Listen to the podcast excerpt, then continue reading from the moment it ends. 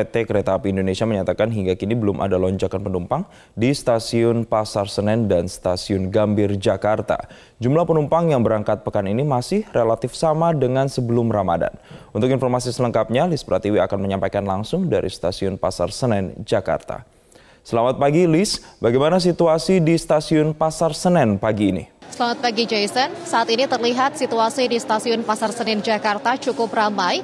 Ini mulai beralih dari tadi pagi keramaian terlihat di area tempat untuk melakukan pengecekan tes COVID-19 baik itu tes genos maupun uh, tes swab antigen. Namun pada siang hari atau menjelang siang memang keramaian ini mulai menuju ke area ruang tunggu mengingat banyaknya masyarakat yang akan berangkat menuju ke berbagai wilayah dari stasiun Pasar Senen ini termasuk yang akan menggunakan kereta Tegal Express dan masih menunggu sesaat lagi. Sementara itu kendati terlihat keramaian di stasiun Pasar Senen, namun menurut PT Kereta Api Indonesia dari daerah operasional 1 DKI Jakarta tidak terlihat adanya peningkatan volume penumpang di hari ke-12 Ramadan ini atau pada akhir pekan ini jumlah penumpang yang berangkat dari stasiun Pasar Senen relatif sama dengan pada pekan lalu dan juga sebelum Ramadan.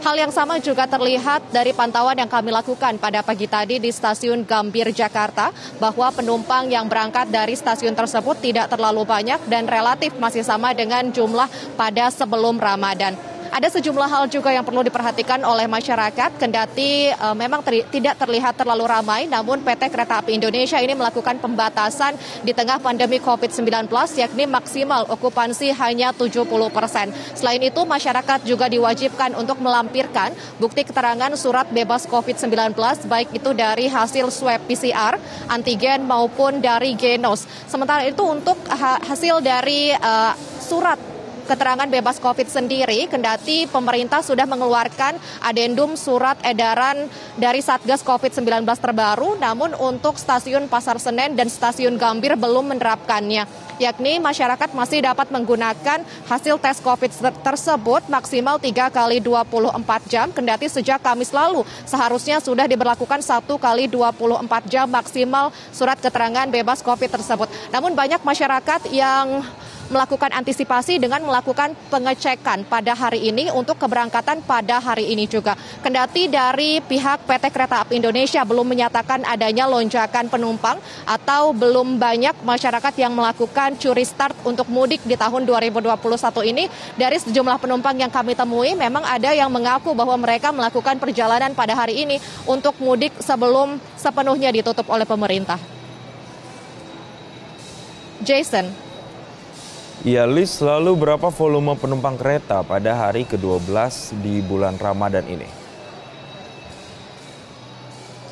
Jason, untuk jumlah penumpang dari stasiun Pasar Senen tercatat hingga data terakhir pukul 7 pagi tadi ada 3.053 penumpang yang akan berangkat dari stasiun Pasar Senen menggunakan 15 kereta api. Namun angka ini diperkirakan akan terus bertambah mengingat jumlah kereta mengingat jumlah kereta ada 15 dan keberangkatan terakhir hingga pukul setengah 11 malam nanti. Namun relatif jumlah keberangkatan kereta ini hampir serupa dengan pekan sebelumnya mulai dari uh, tanggal 10 April 2021 atau akhir pekan terakhir sebelum Ramadan yakni sekitar 3.000 hingga 4.000 calon penumpang dengan keberangkatan 14 hingga 15 kereta api dari stasiun Pasar Senen. Sementara itu dari stasiun Gambir jumlah penumpang pada akhir pekan ini berkisar antara sekitar 3.000 orang dengan keberangkatan 13 hingga 14 kereta. Angka penumpang yang berangkat pada hari ini juga relatif lebih sedikit dibandingkan kemarin, yakni pada hari Jumat 23 April 2021, yakni untuk penumpang yang berangkat dari stasiun Pasar Senen sejak pagi hingga sekitar pukul 4 sore ada lebih dari 6.000 orang dengan keberangkatan menggunakan 17 kereta api. Sementara itu dari stasiun Gambir jumlah penumpang yang berangkat kemarin mencapai 4.000 orang dengan keberangkatan 16 kereta api. Jika dilihat dari pantauan data yang diberikan oleh PT Kereta Api Indonesia, memang jumlah penumpang terbanyak yang biasanya melakukan perjalanan menggunakan kereta api terjadi pada hari Jumat, sehingga di akhir pekan termasuk Sabtu hari ini jumlahnya sudah mulai mengalami penurunan. Antisipasi juga terus dilakukan oleh PT Kereta Api Indonesia di tengah perjalanan terutama kereta jarak jauh untuk meminimalisir potensi penularan virus corona. Dan selain aturan dari PT Kereta Api, masyarakat juga diharapkan untuk mematuhi protokol kesehatan sesuai anjuran pemerintah.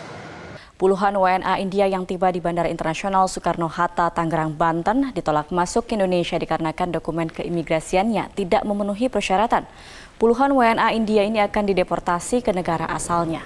Sebanyak 32 WNA asal India yang masuk ke Indonesia melalui Bandara Internasional Soekarno-Hatta, Tangerang, Banten ditolak masuk oleh petugas imigrasi Bandara Suta Jumat malam. Para WNA asal India ditolak karena dokumen keimigrasian yang dimiliki tidak memenuhi persyaratan atau tidak lengkap untuk masuk ke Indonesia. Berdasarkan informasi dari petugas imigrasi, mereka masuk ke Indonesia untuk melakukan investasi dan bisnis.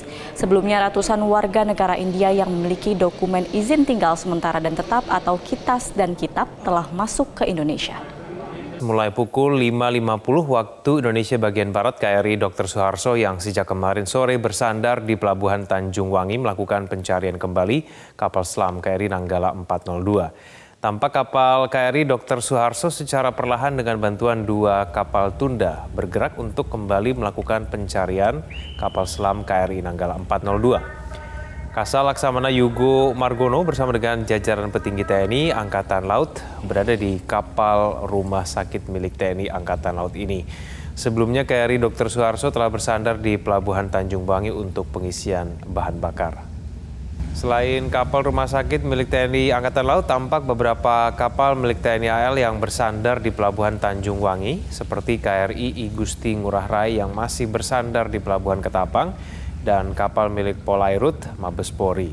Sementara tiga kapal milik Basarnas, KN Antasena, KN Arjuna, dan KN Kamanjaya telah berangkat ke lokasi yang diduga ada kekuatan magnet. Kapal Basarnas ini dan kapal Polairut membawa peralatan robotik ROV dan sonar untuk mendeteksi logam.